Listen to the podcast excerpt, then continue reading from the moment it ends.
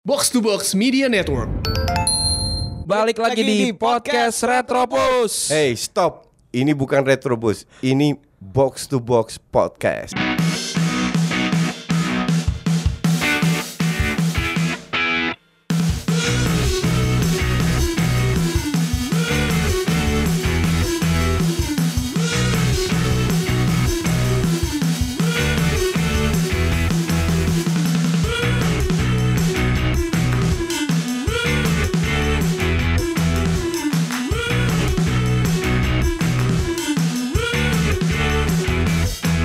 Ya, hari ini gue terpaksa ngelit dengan dua anak asuh karena Pange dan Tio lagi berhalangan mereka ke Bangkok. Jadi em, box to box podcast yang edisi Senin itu akan direkam langsung dari Bangkok Yoi. tanpa gue.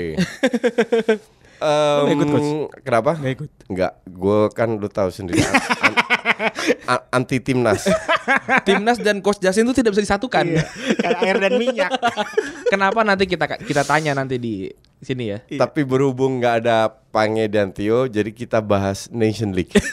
Karena mereka kan Mereka anti banget anti. Nation League. Kita bahas Nation League dulu. Oh, ya. oke.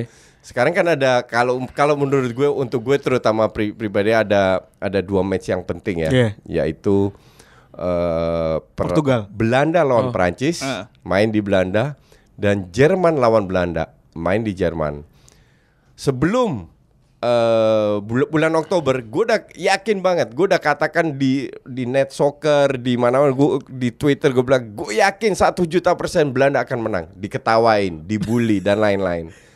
Dan akhirnya Belanda menang It- 3-0. itu gua pas lu ngomong gitu gua apa namanya gua gua agak sedikit skeptis karena lu ya lu kan dukung Belanda gitu maksud gua bukan berda- berdasarkan data kalau menurut gua gitu. Ka- i- su- su- ini selalu begitu. Kalau gue meng- melontarkan sesuatu yang positif tentang timnas Belanda, Arsenal atau Barcelona, dibilang gue tidak objektif.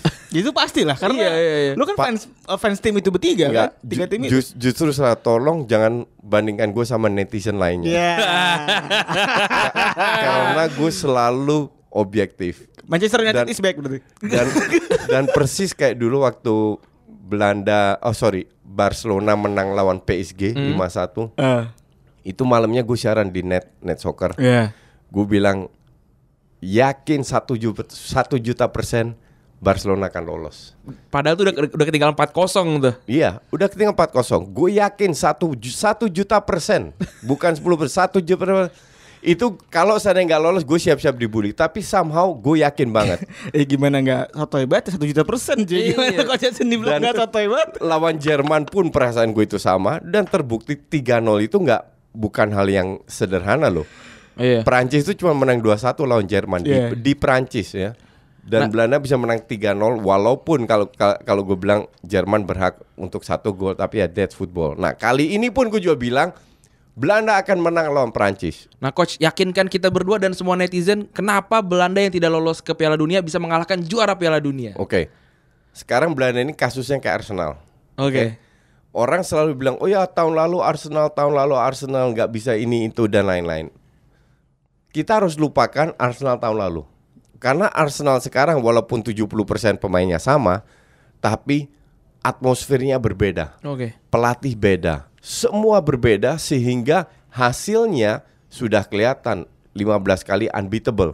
Oke. Lu bisa bilang lawan tim kecil dan lawan Liverpool nggak kalah kok. Oh iya. Sebelumnya kan dihajar terus. Dia mainnya Ka- jelek, ka- dia mainnya jelek juga ya. kasarnya Liverpoolnya begitu loh, Iya. iya kan? Lu bisa bilang Liverpool jelek, tapi mungkin berkat Arsenal Liverpool jadi jelek, oke? Dan ini ini kasusnya juga dengan timnas Belanda. Jangan dibandingkan Belanda sebelum Ronald Koeman. Ronald Koeman kan baru masuk, Hmm. jadi nggak lolos bukan sa- salah dia. Bukan salah tim ini. Iya. Jadi sekarang Belanda bisa bilang lahir baru dengan beberapa pemain senior, banyak pemain muda, pemain baru yang baru nongol tapi dia berani beri kesempatan seperti Kapten Ajax Matthijs de Ligt Iya. umur 19 tahun, Frankie De Jong umur 21 tahun, bahkan seorang Kevin Strootman, seorang Stefan de Vrij dicadangin cing. Padahal itu yang yang yang punya caps banyak ya malah Iya. cadangin ya. Orang tanya, kenapa Ryan Babel masuk lagi? Bubble kan udah 32 kalau nggak salah. Iya. Mainnya bagus banget emang di Karena mainnya liganya. di sana lagi bagus. Jadi nggak ada salahnya untuk memasukkan pemain-pemain itu. Nah, satu kenapa? Karena Belanda akan keteteran pada saat dia di high press. Hmm. Oke. Dia tidak punya banyak pemain yang benar-benar bisa pegang bola. Nah, Jerman nggak melakukan high press lawan Belanda. Oke. Perancis lagi, tahu sendiri dengan juara, ya kan? Nunggu- Apalagi nunggu bola kalau Iya, Perancis kan. Pogba nggak main, Martial nggak main, yang lagi on fire pada nggak main. Iya.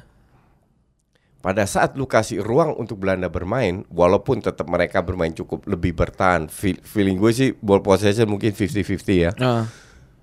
Peluang itu pasti ada. Dan sekarang moralnya timnas Belanda ini lagi meningkat banget.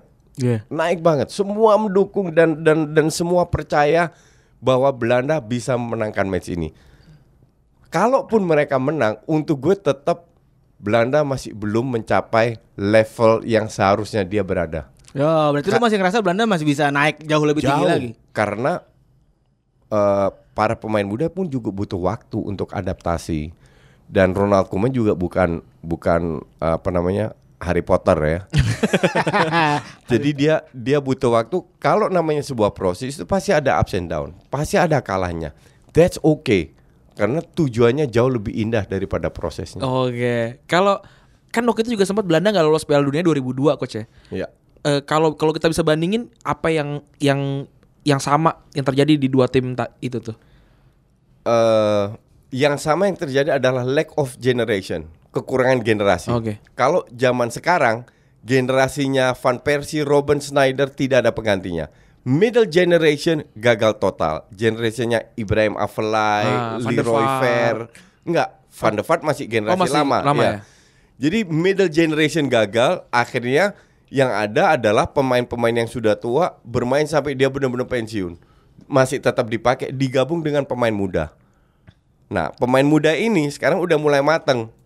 Oke. Ditambah generasi yang benar-benar muda yang masih umur belasan tahun atau baru dua dua puluhan. Jadi ini mixnya itu Pas top, banget. top banget. Lack of generation ini dialamin banyak tim. Sekarang ini yang sekarang ini dialamin oleh Jerman. Perancis Banget. waktu juara ju- dunia juara Eropa nggak ikut juga, mengalami juga hal yang Benar. sama. Jadi untuk gue itu hal hal yang biasa, oke. Dan Jerman sekarang mungkin banyak pemain muda yang lumayan bagus, tapi tidak ada yang benar-benar top, tidak ada yang benar-benar leader. Untuk gue Jerman akan mengalami hal yang dialamin oleh Belanda, Belanda. di beberapa masa ke depan. Nah, ini kalau ngomongin soal lack of generation itu menurut lu kan berarti middle generation yang jelek kan? Iya. Itu menurut lu karena pelatihnya kalau Joakim Low kan gue bisa bilang emang pelatihnya kenapa sih nggak lu nggak percaya sama anak muda lu gitu? Iya. Itu berarti nggak ada pengaruh-pengaruh pelatihnya juga dong. Enggak, berarti. enggak, enggak, enggak. Itu benar-benar murni nggak ada pemain hebat aja. Di Jerman Di di Jerman, di Prancis bahkan di Belanda karena infrastruktur sepak bola mereka tidak berubah. Nah, Pelatihnya tidak berubah.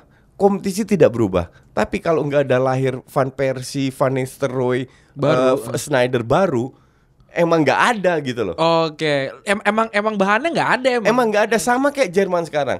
Siapa sih yang bener-bener bisa ngangkat tim ini? Kalau lu bilang nggak ada. Bener. Lu mau bilang Werner lah, Sule lah, Rudi lah, pemain-pemain muda baru, Kimmich lah, biasa aja mereka. Ja- Bagus. bagus, tapi biasa aja. Tapi biasa nggak nggak ada leader dulu zamannya Schweinsteiger, Lahm, ah. Philip Lam nggak ada lagi. Butuh waktu lagi. kalau di Make sense. kalau di Belanda sekarang yang kurang banget apa? Apakah kiper, striker? Kalau back mungkin udah oke Wah, lah ya. kayak- kaptennya lu, kaptennya udah gue Sep- jagoan gue banget. Sebenarnya dibilang oke nggak juga karena pemain-pemain Belanda co- contoh Kenny Tete Hmm. main di Lyon sering cadangan juga. Oke, sekarang yang yang benar-benar sering main tiap minggu main itu Matthijs de Ligt, eh, Frankie De Jong, Daley Blind, eh, Memphis juga. Van Dijk, The Rune. De Roon bagus juga. Tapi di Atalanta doang. Iya. Terus uh, Wijnaldum. Jadi timnas Belanda sekarang ini benar-benar bermain as a team. Nggak ada yang namanya benar-benar bintang. Nggak ada bintang ya? De- Depay pun tidak. Bahkan Wijnaldum pun bisa cetak gol. Wijnaldum sekarang bisa nyaman mainnya daripada dulu ja- jam jam zamannya Hiding. Karena dia bisa lebih ke depan satu-satunya attacking midfield yang bisa cetak gol. Frankie De Jong lebih ngebantu kayak Toni Kroos. De Roon lebih kayak Busquets di belakang terus. Jadi udah kompak karena tidak ada pemain bintang, maka dari itu tim ini eh, mau fight as a team. Jadi bu- bukan untuk ah ini lagi ini lagi Bu- bolanya harus ke Messi lah, Oke. harus ke apa. Jadi nggak nggak nggak ada satu satu dua sosok. Kalau apa namanya kalau kalau kita lihat eh, pelatihnya kan eh, Ronald Koeman kan yang bertahan banget kan. Gue kira lu tuh tipe orang yang gue gue emang benci sama pelatih bertahan gitu karena kan Mourinho dan Nggak. Ih, siapa yang nggak tahu Coach salah. Mourinho ya? Iya. salah salah salah. gimana gimana tuh? Ini ini gue luruskan. Lu harus realistis membedakan tim tengah, tim besar atau tim kecil. Oke. Satu. Oke. Kalau Mourinho pegang Stoke City, dia main bertahan, gue dukung Mourinho. Wah, karena Kan ki- kar- kita bicara Chelsea, Manchester United yang sudah ratusan juta keluar dan lu nggak layak main main bertahan gitu loh. Satu, kedua, lu harus lihat kapasitas pemain lu seperti apa. Seperti lu kayak lu pelatih timnas Indonesia lah. Lu suruh main tiki taka kan nggak nggak Keblinger. nggak make sense. Sem- Sementara si Mila bisa main tiki taka dengan U21. Kenapa di Indonesia nggak bisa? Karena memang kualitasnya nggak ada. Jadi bukan masalah bertahan atau enggak, tergantung kualitas. Lu tidak bisa berharap seorang kuman bermain full menyerang main futsal football Iya, gitu ya. karena memang ya. nggak ada. Zamannya Bert van Marwijk pada saat Belanda masuk ke final lawan Ah. Spanyol, mainnya juga 50-50, 50 nyerang, 50% enggak. Ah. Empat tahun kemudian di Brasil, Van Gaal. Van Gaal itu main bertahan habis. Iya. Iya bener sih. Van Gaal itu main bertahan habis. Kenapa? Karena Kevin Strootman pa- pada saat itu cedera, dia tidak berani bermain dengan 4 4-3-3. Dirombak jadi 4-4-2 kalau nggak salah. Iya. Dan Ngerti nggak? backnya Dirkait ya lu ya. Iya, back, Iya. back, back, back, back kiri. Iya, back kiri Dirkait. ya. Jadi memang nggak, lu harus harus bermain sesuai dengan kapasitas lu. Nah kalau lu bahas tadi soal Mourinho, Mourinho kurang pemain apa untuk Mourinho main seperti City itu sebenarnya bisa kalau dia kalau otaknya nyampe. Karena otaknya nggak nyampe ya susah. Berarti berarti filosofi bukan sosok ya yang yang yang lu serang ya. Bukan. Lu tidak bisa menyerang sebuah sos- ya yang namanya sosok itu kan manusia juga. Aha. Pasti ada kesalahan dan lain-lain. Co- contoh gue nggak ngerti kenapa Saka selalu dimainkan oleh Emery. Padahal gue sangat setuju dengan apa yang dia lakukan sekarang. Itu kan hal-hal kecil itu pas pas, pas pasti ada lah, pasti bisa lah. Cuman secara overall eh, nanti kita bahas di segmen ketiga Ah. soal soal Ah. eh, perbedaan antar pelatih itu apa. Oke. Nah, eh, lanjut ke pertanyaan selanjutnya coach. Eh, ada Kroasia lawan Spanyol, peringkat dua lawan yang nggak lolos grup di Piala Dunia. Spa- Spanyol lu terakhir nonton nggak pas kalah? gua nggak Nonton gua- lawan gua- Inggris gua- kan? Gua nggak ya, nonton. Itu Nonton. ya itu benar-benar Inggris tiga kali nyerang tiga gol Tiga ya. gol. Dan inilah kalau gue bilang miskin taktiknya Enrique, dia tidak tidak eh, tidak merubah pada saat ter- tidak banyak merubah pada saat mereka mereka tertinggal. Pemain kayak kayak Busquets lawan tim ber- ber- bertahan itu nggak ada fungsinya. Oke. Kena- kenapa gue bilang tidak ada fungsinya? Pada saat lu melawan tim yang bertahan, yang mereka andalkan apa? Kan hanya counter, Counter, attack. Oke. Kalau lu melakukan counter, sementara lawan lu ada 6-7 pemain di di belakang, kan counter attack ini terjadi dengan 4 lawan 4 atau lim, atau iya. 4 lawan 3 atau 5 lawan 4. Apa seorang fungsi DM yang hanya berdiri di depan center back? Yang jogging. Iya, kan nggak ada. Kar- karena either lu di counter lewat sayap, either lu di counter dengan bola-bola atas. Iya kan? Nah, di situlah gue selalu bilang, lu nggak perlu main dengan 2 DM seperti Barca sekarang, karena lawan yang lu hadapi hampir tiap minggu adalah lawan yang akan bertahan hanya mengandalkan counter attack. Oh makanya kita harus pakai DM yang yang hancurin nih, breaker ya. Enggak Ba- juga. Enggak, lu lu harus pakai DM yang bisa ngebantu serangan. Kayak ngolo Conte gitu. kayak kayak Kante contoh, Ah. kayak Jorginho contoh, kayak Torreira, Oke. Jorginho Kayak Kroos. pa- parah banget sih Jorginho jago banget ya sekarang. ya. Iya iya kok kok bisa gua gua, gua emang nggak emang kurang nonton Napoli kali ya. Tapi gue lihat emang kayak bos the midfield Iya. gitu sa- semua satu lapangan tengah tuh Dan, dia dia aja dan gitu. sekarang tuh kayak ada Jorginho dan Kante tuh kayak lini tengah Chelsea kayak nyaman banget. kayak kiper tinggal Nah, tidur juga bisa. Nanti gue bahas di segmen ketiga soal per- perbedaan antara antara Sari dan lain-lain. Oke. Tadi eh Apalagi ada Ada juga Inggris lawan Inggris enggak deh. enggak tapi Inggris next next matchnya Oh, next match Lo- lo- lawan siapa? Inggris lawan Kroasia. Inggris oh Kroasia bakal bakal ketemu Inggris juga. Iya. Iya. Kro- ini kayak kayak Kroasia, luar biasa di di Piala Dunia. Oke, semua Yes. sepakat. Iya. Bermainnya lah dan lain-lain. Cuman di sinilah kelihatan bahwa Kroasia ini tim tim musiman dalam arti hanya dalam satu turnamen aja hebat, habis itu jeblok. Mereka praktis kan kehilangan kipernya Iya. sama Mandzukic. Iya. Ya kan? Dan si apa namanya? Si siapa nomor 10-nya? Modric, Modric. Modric kan juga lagi nggak perform kan? lagi drop Drop parah. Maka dari itu mereka itu peaknya di di Piala Dunia. Sebenarnya mereka sekarang nggak bermain jelek, tapi bermain dengan ses- sesuai dengan kapasitas pemainnya yang pas-pasan, yang Nah, biasa-biasa aja. Nah kita ngomongin eh, Inggris nih kan Inggris balikin lagi Wayne Rooney kan untuk untuk Demi demi demi capsnya demi Caps besok lawan USA. Ah, ah. Jadi saat yang lain pada main National League mereka main eh, friendly. Friendly. Iya, ya, friendly, iya. friendly.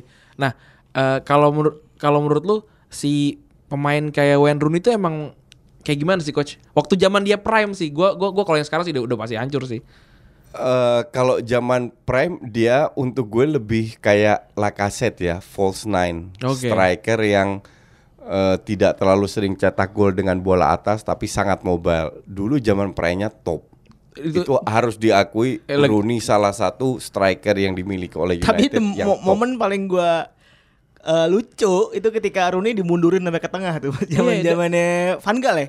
Iya, Van Gaal apa Mourinho sih? kayaknya emang emang mampu Se- sih kan. Sebenarnya gue bilang gue lebih setuju bahwa dia bermain di belakang striker. Lo- apa namanya dia dia dia jadi jadi pembangun serangannya ya. Iya. Oh, iya. Ta- tapi tidak ada salahnya dia bermain sebagai false nine striker yang tidak terlalu deep ke Yes. dalam lebih turun jemput bola kan dia sering kali cetak gol dengan shootingan di luar kotak penalti. Yo, iya, nah iya. itu salah satu kekuatan Rooney. Tapi ya itu dulu ja- jam zaman dia masih muda dan in- ini inilah tipikal Inggris menghargai pemain-pemain yang dulu ya. Jadi gue nggak heran kalau Rooney eh, ekstra dipanggil untuk capsnya lah. Oke. 120 ya? Serat 150. 150. Gila ya, 100, 150. 150 ya. Iya, 150. Enggak ah, 120. Ayo, ayo. 120, 120 ah. 100, 119 tambah 1, Iya. 120. Ketahuan ya, ketahuan. Tiga sama Pange sama Tio sama tiga sama tim Retro pasti ketahuan banget. Ya udah ini segmen satu ya. Apakah eh, intuisinya Coach Jasin itu eh, ber- berhasil ya kan? Iya, Eh, iya. terbukti ya kan? Kalau Belanda besok Kita lihat Kita aja tunggu lagi. aja.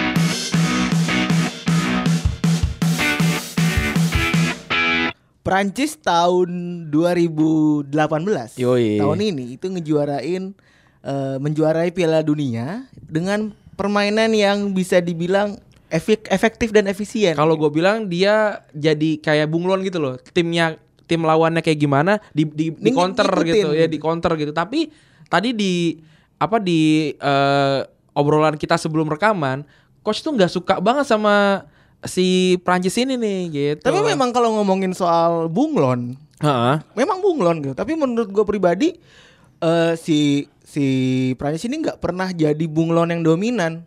Oke. Oke, jadi oke lah. Dia memang milih-milih gitu. Milih-milih eh, misalnya lo lawan Kroasia formasinya beda lawan Eh, ya Argentina kayak lawan gimana? Argentina formasinya beda, tapi dia nggak pernah jadi yang eh, override eh, override si ah, iya, iya. lawannya Benar, ya kan? benar, benar, benar, benar. Dan selalu bertahan, cuman mikirin eh, gimana cara ngelawannya ya, Coach ya? Gimana coach? Gini, gini ya, kita harus balik lagi. Eh, sepak bola yang 30 tahun yang lalu, 20 tahun yang lalu dengan sekarang itu kan udah berbeda. Oke. Sepaham. Eh, lu lu tanya apa tadi? Ken- kenapa kenapa lu benci banget sama si Prancis itu? Padahal dia juara Piala Iya, Dunia iya, sih. oke. Em, sekarang faktor komersial itu sudah luar biasa mem- meng- apa, menguasai sepak bola yang untuk gue sudah tidak bisa di dibendung lagi. Em, kalau kita juara, untuk gue belum tentu yang terbaik. Kenapa? Karena sistem Piala Dunia itu adalah sistem gugur Yes. lu tergantung drawing, lu tergantung konsistensi. Banyak sekali tim yang juara kan karena untuk gue juara sejati itu adalah di mana dia selalu prestasinya bagus.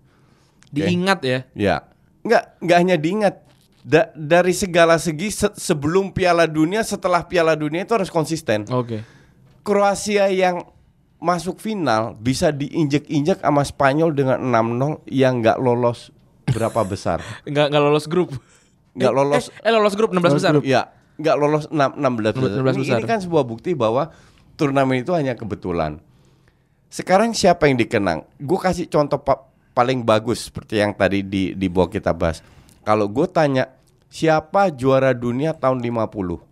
Semua mikir. Masih mikir. Siapa juara Pasti gue dunia? browsing dulu. Iya, siapa yang juara dunia 60? Padahal itu tercatat kan, data kan. Oke, lu, lu memang juara dunia tahun itu, cuman orang lupakan siapa. Tapi kalau gue bilang siapa sih yang bermain Catenaccio? Semua orang udah tahu. Tahu Heleno Herrera. Itali. Itali. Iya kan? Kalau gue tanya eh Johan Cruyff itu nggak pernah juara dunia, ju- juara Eropa. Oke? Tapi dia menciptakan total football. Dan sampai detik ini dikenang. Bahkan Maradona pun bilang tiki takanya Pep itu dari Johan Cruyff. Iya benar. Asal usulnya, ya kan? Dan Oh. itu memang benar.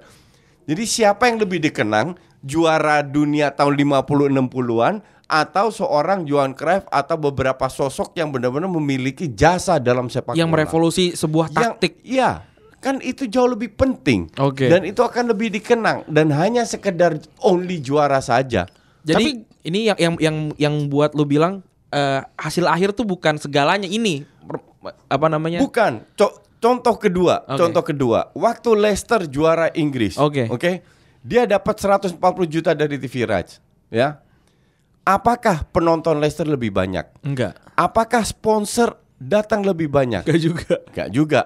Apakah TV rights-nya atau harga, ha- harga pemain untuk untuk mengundang Le- Leicester akan lebih banyak? Enggak, juga. Apakah Leicester laku di dunia? Enggak juga. Uang ICC aja nggak pernah ikut. iya kan? Iya, benar. At- atau mungkin sekali. Ah. Cuma jarang sekali. Lo tahu MU pakai jersinya aja udah dapat 190 juta. Kagak usah main ya. Enggak usah juara. Nggak usah juara, nggak usah main. Income-nya MU waktu Leicester juara ranking 6 kalau nggak salah. Iya. Oh, iya. Itu tiga kali empat kali lipat lebih tinggi daripada Leicester. Ya ini kejahatan sepak bola modern Nah, sih jadinya. terus apa untungnya lu juara? Sekarang gue tanya kembali, apa untungnya lu juara? Tapi coach gue as a fans nih, gue as a supporter, gue supporter Liverpool. Ya. Gue puas ngeliat Jurgen Klopp main bagus, gue puas ngeliat Gegen pressing main, heavy metal football itu main. Tapi ketika it comes to ya lu juara apa sih? Iya sih. Lu menang apa sih? Iya. Gue kayak gue butuh pembenaran coach. Gue jujur gue gue curhat nih, gue butuh pembenaran. ra- ra- rata-rata rata-rata eh, fans kita itu kan fans layar kaca Oke. yang yang hanya buka karena mereka nggak pernah ke Inggris keluar RT nyasar apalagi ke Inggris Keluar RT nyasar. Eh, Bocah belakang eh, Orang JNE ba- ba- biasanya. bahasa Inggris juga kagak ngerti Ah. nggak ngerti budayanya cuman kalau disindir nga- ngam- ngamuknya kayak ya. apa kan itu emang noraknya fans kita seperti itu itu emang fakta harus Ah, oke. harus diterima sekarang gini kalau lu seandainya menikmati dengan gaya bermain klub lu senengnya itu setiap minggu atau hanya sesaat Setiap minggu sih. setiap minggu kan Gue pasti nonton. jadi lu tiap minggu terhibur kan Iya. Walaupun tidak selalu menang. Iya, Bener benar, nggak? Lu benar. tiap minggu terhibur. Benar. Lu tanya fans Leicester, apakah mereka terhibur dengan permainan Leicester tiap minggu walaupun mereka juara? kan enggak. Iya sih. gua- Tapi kalau ke- ngomongin kemenangannya juga pas-pasan dan untung-untungan. Tapi kalau ngomongin soal Leicester dulu mungkin eh, se- untuk seorang fans Leicester yang tim minoritas pasti seneng sih. Pasti seneng juara sih pasti seneng. Iya, kan? Betul. Tidak ada fans yang nggak juara itu nggak senang. Oh, iya iya iya. Tapi bukannya nomor 2, nomor 3, nomor 4 jelek kan? Bener. Iya Ya, kan? ta- ya, juara tapi yang itu jelas- kan hanya ada satu. Tapi yang jelas lebih bagus yang pertama daripada yang kedua Iya. dan tiga dan keempat. Sekarang apa yang lu dapat kalau lu menjadi juara Liga Inggris? Apakah lu lu harus dapat sesuatu dong? Iya. Iya dong. You you must get something in return. Kalau lu hanya dengan kepuasan batin untuk fans Leicester, setahun juga udah hilang. Kecuali lu dapat income lu berlipat ganda dapatnya. Leb- melebihi MU. Kan enggak. Lu nggak dapat apa-apa. Karena tim enam besar lainnya ju- bukan tim enam besar, yang lainnya juga income-nya jauh lebih besar daripada Leicester. Dan tapi Le- Leicester menurut lu bakal dikenal nggak sampai 10 tahun ke depan? Gak tuh? bakalan. Kalau gue menurut gue sih bakalan sih. Ba- bakal jadi kayak Blackburn Rovers dulu pernah juara. 92. Nah. iya 92 Emang 94 gitu. emang bakal dikenal. Emang ada yang ngomongin Black, Blackburn Ro- Rovers? Tapi kan secara secara branding kan ada data yang menunjukkan kalau misalnya Leicester itu Exactly. lebih tinggi daripada hanya di data. Tapi apakah apa yang Apakah dapat tertulis selain sejarah? data? Sejarah di, di sejarah ditulis karena pernah juara. Ah. Oke, tapi apa yang lu da- apakah dengan da- data sejarah ini fans lu bertambah? Wah ini filosofis sekali nih. Kan enggak. Iya, benar. Apakah dengan data sejarah ini lu bisa makan gratis di Plaza Senayan? Ini ini enggak ini make sense. Omongan kau sudah sih make sense, make sense ya. Ketika lo ngelihat dulu Manchester City lagi pas growing, growing which mean dia nggak juara tapi mainnya makin bagus, pemainnya makin banyak, itu fansnya juga ngikut makin banyak. Iya, betul. Tapi ketika Padahal belum Leicester- juara loh. Tapi ketika Leicester juara, gue nggak ngelihat ada LSF, eh, gue nggak ngelihat sebuah pergerakan yang besar ten- tentang Leicester Iya, di Indonesia. betul. Betul. Itu mm, itu itu berarti yang si yang yang dinamakan proses kali ya. Yang yang Enggak. tim tim shooting star tuh ya mungkin oh, Pro- proses itu juga. kan ada ada asal usulnya. Iya. Manchester City walaupun tidak juara, mereka bermain bagus, mereka bermain indah, pemainnya bagus-bagus, maka dari itu fansnya bertambah. Leicester, Leicester Indonesia ada juga. ada ada ada. Sorry, Cu- cuman setahun atau dua tahun, habis itu hilang lagi, ngerti nggak? Ka- ka- karena fans layar kaca ini hanya mengandalkan ya juara, dikira akan lebih bagus. Lihat aja Leicester di rank berapa sekarang, dan nggak akan berubah juga. Tapi memang kalau ngomongin soal fans-fans eh, City dulu awal-awal, Aha. kebetulan gue pernah sedikit eh, berkonfrontasi di di sosial media dulu Oke. zaman-zaman City dulu baru naik gitu. Eh gue sempat ngomong kayak where were you when eh, when City were shit gitu gue nggak pernah ngomong kayak gitu. Terus yang balas atas atas yang yang founder-foundernya tuh. Oh. founder-foundernya tuh. Ngajak berantem ya. Nggak, nggak, nggak, ngajak tubir sih, cuman kayak mereka tuh masih part of fansnya mana, Ya, supporter dan, mana, supporter mana. dan gitu. bukan City aja ya. Contoh kedua, PSG. Iya. PSG itu mengalami hal yang sama. Dulu nih- dulu pada- Ju- iya. juara juga di kandang ya, itu nggak he- nggak nggak heran lah. Tapi fansnya di dunia itu bertambah. Benar, benar, benar. Fansnya itu bertambah karena ya mereka memiliki pondasi yang kuat. Karena brand value-nya juga brand naik. value ada. Iya, benar. Jadi it doesn't matter lu juara PSG itu kalau feeling gue kagak bakalan juara Cha- Champions League lah, udah lupakan itulah. karena karena dia nggak pernah nggak pernah ketemu lawan yang seimbang ya. Iya. Inilah sebuah contoh bahwa PSG kalau nggak juara pun mereka tetap bertambah fansnya karena pondasinya kuat seperti City. Leicester tidak. Leicester itu hanya kebetulan. Nah kembali lagi ke topik kita. Hah? Apa artinya juara? Sekarang kembali lagi yang gue tanya eh juara dunia tahun 50-an tahun 60-an kagak ada yang tahu Jack. Kita kita butuh searching dulu Iya. untuk tahu. Iya, artinya udah nggak dibahas lagi kan? Iya. Se- tapi kata Nacho dan Total Football sampai Masih jadi perdebatan masih, sampai sekarang. Masih di- menjadi perdebatan Benar, masih benar, benar, dibahas. Asal usulnya Tiki Taka masih dibahas terus. Jadi yang yang lebih dikenang yang mana? Iya, Makanya benar, netizen itu otaknya nggak lebih jauh dari kuku gue, harus lebih berpikir lagi bahwa Kita juga sepak kagak jauh lebih jauh. bahwa sepak bola itu tidak hanya masalah menang kalah. Iya, gua gua lebih tahu Tele Santana dibandingin siapa pelatihnya eh, Brazil waktu juara tahun 60 sih. Nah, exactly. Iya. Tapi ini masih tetap akan jadi perdebatan. Benar, ya. Gue sih yakin ini perdebatan tidak akan pernah selesai sih coach. Iya. Ya perdebatan pa- pasti jadi perdebatan ka- karena orang goblok lebih banyak daripada orang pintar. Jadi silakan nih, lu apa namanya pilih tag site yang ke mana nih para pendengar nih. Ja- Ka- jadi bebas aja dan dan apa namanya ka- kalau orang nggak mau terbuka tetap kekeh dengan bahwa juara itu segala ya silahkan aja, ya kan? iya.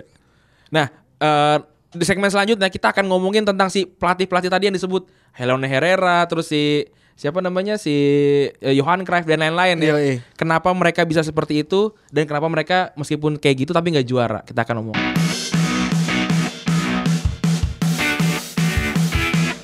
Oke, ini segmen terakhir, segmen ketiga. Kali ini kita akan ngomongin perbedaan eh, pelatih-pelatih jenis-jenis pelatih yang tersedia di eh, sepak bola Eropa ya. Kita bukan pelatih nih Ran. Kita bukan pelatih, Kita- tapi lagi ngobrol sama pelatih. Kita ngobrol sama pelatih. Yoi. Oke. Nah, eh, Gini gini gini. Eh, pelatih zaman sekarang itu eh, ada dua macam. Oke. Sebenarnya hanya dua macam. Satu, pelatih yang percaya terhadap sebuah filosofi. Oke. Pelatih yang percaya terhadap di- fi- fi- sebuah filosofi. Contoh, pelatih eh, eh, pelatih yang miak percaya banget bahwa menyerang itu adalah satu-satunya cara untuk memenangkan at the end of the day, memenangkan banyak trofi. Oke. Dengan menyerang filosofinya kan menyerang, tapi caranya kan banyak. Kalau Pep dulu caranya tiki taka. Ada juga cara ber- bermain dengan empat tiga tiga mengandalkan skill individu. Oke. Nah, satu pelatih yang yang percaya per- percaya fi- filosofi. Kedua, pelatih yang percaya dengan pattern. Pelatih yang percaya dengan pattern ini itu seperti Sari. Seperti Ancelotti. What do you mean pattern coach? Ini gue jelaskan. Oh, asik. Jadi yang dilakukan oleh Sari dan Conte itu dia melatih cara menyerang itu seperti apa dari A sampai Z. Pada saat satu pemain Hazard masuk ke dalam, eh, Alonso harus keluar. Jarak antara Hazard dan Alonso harus kira-kira begini. Jadi itu serangan set play itu itu dilatih semua. Textbook gitu ya. Textbook Oke. ibaratnya tidak terlalu banyak berpikir tapi mengandalkan otomatisme Hafalan. yang hafalan Berarti yang, yang yang sudah lu latih pada saat latihan How to play itu rigid berarti. rigid Rigid dan kalau yang pertama tadi fluid banget kan ya? yang pertama itu fluid banget jadi dalam dunia pelayanan itu seperti dua itulah kalau Conte itu kan lebih ke filosofi Hmm. Mourinho lebih ke filosofi. Jadi kita mau main bertahan. Pangi dulu pernah bilang sama gue bahwa Mourinho itu yang dilatih itu hanya pertahanannya. Hmm. Jadi serangannya di, dibebaskan itu sangat kelihatan pada saat Mourinho pegang Real Madrid. Ya. Itu bener-bener bola kasih Ronaldo, lu main deh berempat di depan. Kayak itu apa namanya tergantung interpretasinya para pemain ber- berarti kan? Tergantung kualitas pemain dan itu memang bisa di, pada saat latihan mereka udah saling tahu. Jadi pel- pemain itu diberi kebebasan, diberi kebe- kebebasan untuk apa yang mereka lakukan. Pokoknya intinya pada saat lu kehilangan bola, eh, lu semua balik. Nah itu di cover oleh lini tengah yang tidak terlalu banyak ikut campur, lebih ke pemain depannya aja lah. Kasarnya begitu. Itu pelatih yang percaya dengan apa pun filosofinya itu entah entah lebih bertahan, entah lebih bermain di di di lini tengah, bertahan lini tengah, andalkan ka- coun- counter attack itu kan banyak filosofi yang yang berbeda. Kalau rigid itu memang lu bisa kalau berdasarkan pengalaman gue ya, lu bisa melakukan hal ini kalau pemain lu benar-benar berkualitas Hmm. dan pemain Chelsea itu untuk gue cukup berkualitas untuk bisa melakukan itu dan so far berhasil. Yang jadi masalah adalah pada saat Chelsea kehilangan eh, atau kalah 2-3 match beruntun, gue pengen tahu apa yang dilakukan oleh Sari. Oh, dan that's dan that's why kalau lu lihat eh, Sari itu kenapa sering banget empot-empotan di Liga Italia? Ah. Dia tuh jarang banget ngeganti eh, formasi andalannya tuh baik tuh di Liga Champion, di Coppa Italia dan di eh, Liga Italia sendiri coach. Nah, ka- kar- karena itulah sistem yang ini ini juga kalau lu bicara Napoli ini juga yang diterapkan oleh Ancelotti. Ancelotti. Ancelotti itu selalu bermain either dengan 4-4-2 atau 4-3-3. Kalau 4-3-3, Dries Mertens strikernya, Mark Hamsik pasti main. Ah. Insinya selalu main. Kalau bermain dengan 4-4-2, insinya dengan milik. Eh, si Pi- Pi- eh, Piotr itu pa- pasti Ah. main. Ja- jadi Zelensky ya? Zelensky. Iya. Jadi kalau dengan 4-3-3 si Allen main, si Ruiz main, si si Hamsik main. Ini memang sudah dilatih oleh Ancelotti dan kembali si Sari pun demikian. Mereka punya pemain yang bisa melakukan itu dan so far Ancelotti is doing good. kalau Tapi coach bilang. dari dua pelatih itu nggak ada yang salah kan? nggak ada yang salah. Ada yang Ini ini kan gua hanya jelaskan Nah, eh, kalau kalau menurut lu be- pelatih be- bedanya pelatih. Nah, kalau menurut lu pelatih yang salah itu yang melakukan apa nih? Pelatih yang salah adalah pelatih seperti Mourinho.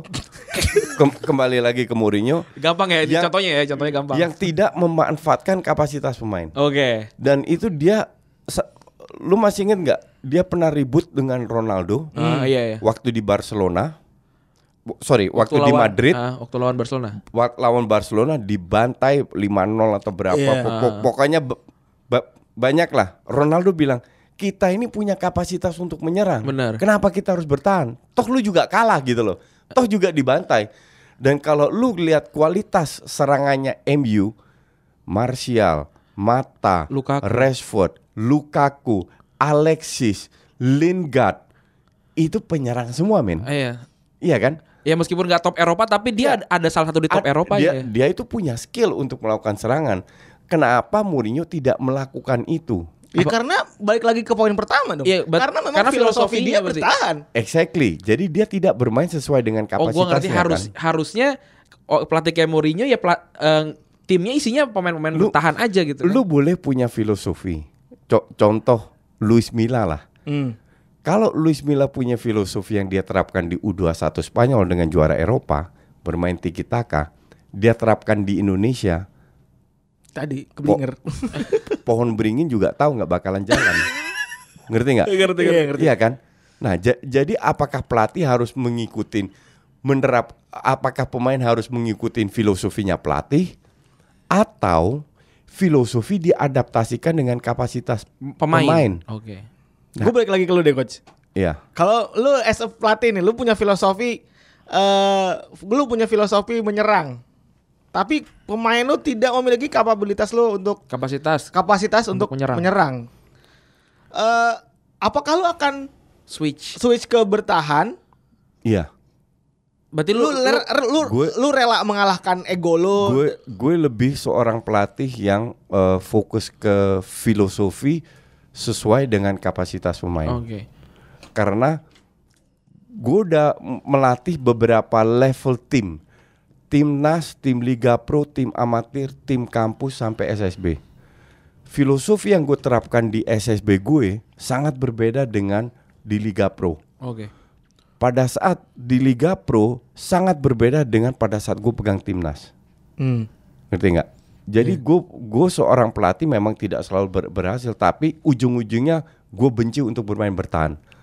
Man kadang lo harus main bertahan pada saat gue menang 7-2 lawan Malaysia ya gue main lebih bertahan pada saat gue mengalahkan Thailand 3-1 di Bangkok gue main bertahan karena gue tidak punya kapasitas untuk melakukan full menyerang Berarti yang penting tahu diri ya.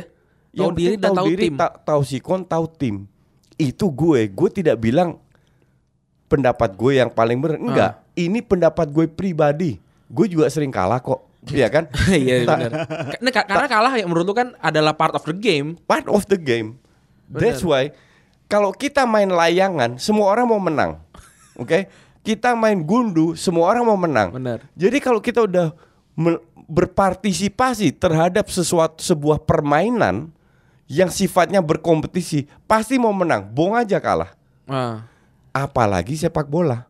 Makanya gue tidak pernah mau bahas soal menang kalah karena menang keinginan untuk menang itu ada hal yang yang lumrah. Ngapain kita bahas lagi yang sesu- sesuatu iya. yang udah pasti? Ya kan? Cuman kalau kita seandainya kalah bukan berarti kita main buruk kan? Seperti yang tadi gue bahas. Kalau lu main bagus tiap minggu lu terhibur tiba-tiba lu runner up. Emang emang belum waktunya juara. Tapi apakah lu tidak puas? Apakah musim itu gagal? Kan nggak juga. Oke. Nah coach gue pengen nanya kalau si Pep waktu di 2008 itu apakah dia memang beneran jago atau karena pemain-pemainnya itu udah terbiasa dengan filosofi yang akan dia bawa? Dua-dua. Dua-duanya. Ya, dia tidak bawa. Oh karena iya, fi- karena fi- dia fi- filosofi itu sudah dari La Masia. Oke. Waktu dia di sana banyak lulusan La, La- La Masia.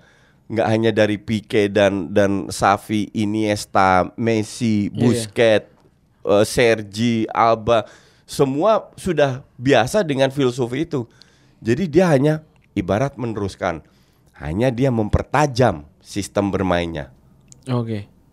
Tapi kalau kayak misalkan tim yang kalau MU kan dia punya akademi, jadi jadi udah ada filosofi yang terbangun di sana atau Real Madrid segala macam. Nah, misalkan nih kita taruh ke Indonesia nih tiba-tiba kan kita eh, selalu berpatokan kayak oh pemain kita pendek nih pemain-pemain Spanyol kan pendek bisa dikitakan. Kayaknya kita bisa juga. Itu kan filosofi yang dipaksakan untuk masuk nih. Kalau menurut lu gimana? Gini ya, eh, sepak bola kan mayoritas dikuasai atau didominasi oleh pemain yang memiliki postur kuat. Hmm. Oke. Tapi kalau lu pendek, bukan berarti lu nggak bisa bermain kan? Hmm. Setiap tim itu kan punya kekuatan. Oke. Lu sebagai manusia pasti lu ada kekuatan dan kekurangan. Kalau lu fokus kekurangan lu, jadi lu akan susah maju. Tapi kalau lu menutupi kekurangan lu dengan kekuatan lu, lu akan maju. Itu da- dalam semua bidang Betul. bukan hanya dalam se- sepak bola. Kalau sekarang seandainya filosofi, seandainya kita berandai-andai dulu ya, Ah. seandainya filosofi PSSI adalah bermain berdasarkan kapasitas orang Indonesia yang pendek tapi Cepat. eh, tidak bisa passing jauh, hanya passing pendek, Ah. Tiki Taka cocok.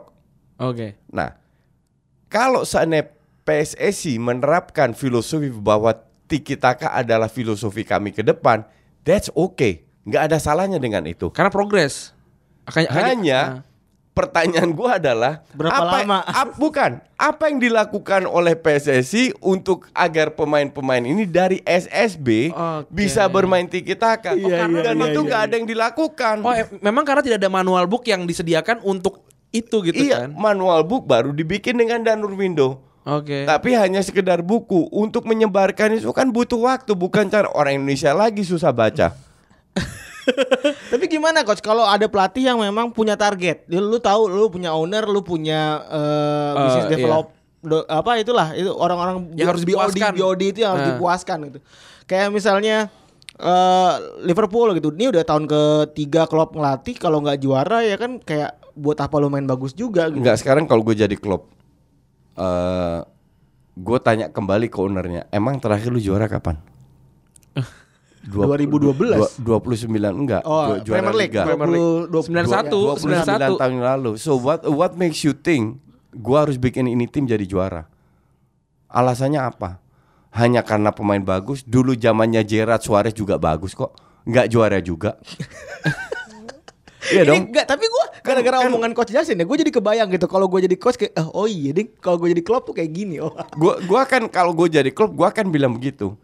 Beda kalau lu tidak kasih gue beban juara, tapi lu lebih fokus ke filosofi yang di yang gue terapkan dan lu setuju dan ini akan dijalankan terus. Karena pada saat kita memiliki eh, tim yang mapan dari segala segi, kita bisa jadi juara. Nah, sekarang kita juga tahu bahwa budget Liverpool masih jauh di bawah budget City Iya. Jauh banget. jauh banget kan. Maka dari itu yang dilakukan Liverpool sekarang udah udah luar biasa. Kalau Liverpool pun jadi runner up, itu sudah luar biasa. Itu udah udah dianggapnya udah kayak juara untuk kapasitas si Liverpool itu. Iya, kita harus realistis dong. Tapi kalau sekarang dilihat Tapi sih enggak, gua, gua, gua, gua almost is never enough, bro. Enggak. Lu Gua lagi lu, nyanyi lu bilang ngomong almost is never enough fine. Itu kan ego individu. Asik. Semua orang juga mau menang. Semua orang pengen naik Ferrari. Semua orang pe- peng- pe- peng- pengen punya rumah di Malibu. Kasarnya kan begitu. iya. Cuman sekarang kan caranya bagaimana mendapatkan itu. Banyak yang yang menghalalkan segalanya end, end up-nya di KPK. Iya kan? Iya kan begitu. Iya, iya. Nah, sekarang yang dilakukan oleh oleh klub kan tidak menghalalkan segalanya, tapi membangun sebuah filosofi yang ujung-ujungnya pasti melahirkan trofi. Hanya memang butuh waktu. Waktunya, iya. Emang hanya memang butuh waktu dan klub ini kalau gue bilang harus di- dikasih kontrak 10 tahun. Kal- Kalau dia pun gagal, it doesn't matter. karena Yang penting ada bangunan yang dibangun Iya. sama dia. karena sebuah filosofi itu emang butuh dinasti gitu ya. Iya, dia ibarat kalau lu seorang kontrak, lu kan lulusan sipil, Hmm. lu seorang kontraktor, lu lu harus bikin pondasi yang kuat. Iya benar. Pondasi kuat itu bisa bikin gubuk, bisa bikin gedung. hotel, Ah, oke. gedung. Tapi pondasi yang lemah hanya bisa bikin gubuk, nggak bisa bikin hotel. Juara sih sekali tapi itu ambruk lagi. Iya. Oke. Nah, inilah pondasi yang dibangun oleh klub dan itu butuh waktu. Dan kalau kita lihat Liverpool musim lalu dengan musim ini, untuk gue ya jauh lebih bagus musim ini. Oke, gua ka- karena secara kasat mata gue kira ini lebih jelek. Liv, gue bilang jauh lebih bagus. Oke. Liverpool musim pertama di bawah Klopp paling jelek Iya, iya. dari ti- dari tiga musim ini. Yang, yang setengah musim itu ya? Iya. Setengah musim. Habis itu dia datangkan Van Dijk. Ya. musim ini. Musim- eh, musim kemarin, lalu, musim kemarin. Mu- tengah musim lalu Ah. dia dia dia datangkan Van Dijk. Oke. Musim ini dia datangkan Becker, Ah. ya kan? Jadi memang ada musim pertama nggak ada Van Dijk, nggak ada Becker. Musim kedua ada Van Dijk udah agak meningkat. Musim ketiga ada Van Dijk dan agak Be- Becker Ah. lebih meningkat. Progres ini ada. Progres ini kelihatan. Ini angin surga nih untuk Liverpool. Progres ini kelihatan. Hanya memang lu butuh faktor luck. Kayak, kemarin kayak tahun lalu ada kayak si tai itu iya, ada sih. kayak cedera, Karius kayak juga. suspend, Ah. kayak gol bunuh diri, kartu merah dan lain-lain. Dan itu kan Karius. it- dan Karius itu kan faktor X. ah, Itu kan faktor X. Apakah dari sisi permainan Liverpool kalah waktu di final Real Madrid? Enggak. Enggak. Tapi faktor X ini kan yang membuat Liverpool ancur-ancuran. berarti kalau kalau yang gue tangkap dari lu, progres adalah sebuah trofi juga. Definitely. Oke. Pro- progres itu hanya trofi yang tidak kelihatan, pondasi yang kita bangun yang tidak ada parameter yang ke depannya menghasilkan trofi. Johan Cruyff membuat total football, dia dia sendiri nggak pernah juara. Yang juara si Barca yang- 2008. Yang juara anak buahnya, murid-muridnya yang berhasil di mana-mana. Dan forever forever thankful sama si total Iya. Itu sih. itu jauh lebih dikenang daripada lu hanya menang juara seperti Yunani di Piala Eropa. Mana Yunani? Bahkan Portugal aja yang terakhir juara nggak ada orang udah lupa nggak ada yang ngebahas. Tapi kalau ngomongin point of view-nya coba kita point of view kita ganti gua jadi seorang kita jadi seorang owner klub gitu. chairman-nya. Iya, chairman-nya. Gue yakin sekarang Liverpool lebih banyak income harus gue cek dulu Itu bener, daripada bener musim sih. daripada musim lalu. Itu bener sih. Itu way way more dibanding musim pas lagi klub belum masuk. Ya, jadi sponsor pun nggak buta. Sponsor pun akan lihat, oh ternyata Liverpool akan lebih bagus ya. Untuk sponsor, parameter itu tidak jadi apa namanya? eh, Juara bukan parameter. Iya, juara bukan salah besar. Karena brand val- value-nya tadi balik lagi. Brand value-nya tadi itu yang penting. Maka dari itu MU nggak juara nggak masalah. Brand value-nya udah tinggi banget. Duit itu ngalir terus. Tapi kemungkinan kalau kondisi MU itu akan kepelatihan dan kondisi eh, matchnya tetap maksudnya di pertandingan dia tetap seperti kayak sekarang nih. Ada kemungkinan juga dong berarti brand value- value-nya akan turun juga. nggak nggak akan turun Ju- justru kalau gue bilang karena MU ini mem- membangun brand value ini kan udah puluhan tahun Iya Ferguson thanks to Bu- Ferguson. bukan bukan karena ini juga salah kali ya. satu salah satu tank tap tapi sebelum sebelumnya pas kasus Matt Busby pesawat Oh, iya. drop itu kan udah dikenal Iya benar. ngerti nggak jadi value udah puluhan tahun dibangun nggak bisa lu tidak bisa dihancurkan oleh seorang Mourinho nah yang yang ingin juara itu kan hanya fansnya Iya, doang Dan Mourinho pun sebenarnya menambah value dengan kan dia dia lebih banyak diomongin sih kan. itu kan juga nambah value si MU itu sendiri kan. itu untuk di sosmed iya Iya. untuk di sosmed iya tapi gaya Mo- Mourinho men- menjadi caper itu udah udah selesai. Ka- kayak dia eh, angkat apa nama eh, hand sign gitu segala iya, macam. hand sign pada saat menang lawan Juve. Terus habis itu eh, dihajar oleh oleh City. Orang kan lebih antipati. Lu lu songong ke mana aja lu sekarang? Udah dihajar sama Si- City. Baru menang sekali udah sotoy. Kan lebih dihajar itu. Benar benar benar benar benar. Gitu. Ada lagi ya coach? Nih Udah, udah cukup. Udah cukup ya? Gua rasa. Ini kayaknya eh, kita kayak dengerin dosen. tapi tapi gue gue kan emang berorientasi dengan dengan trofi dong kayak seperti biasa. Tapi di kepala gue kayak gue ingin tidak tidak tidak tidak gitu loh. tapi gue jadi jadi jadi paham apa namanya filosof filosofinya tadi gitu. Kenapa? Tapi bener sih, gue jadi kayak apa ya?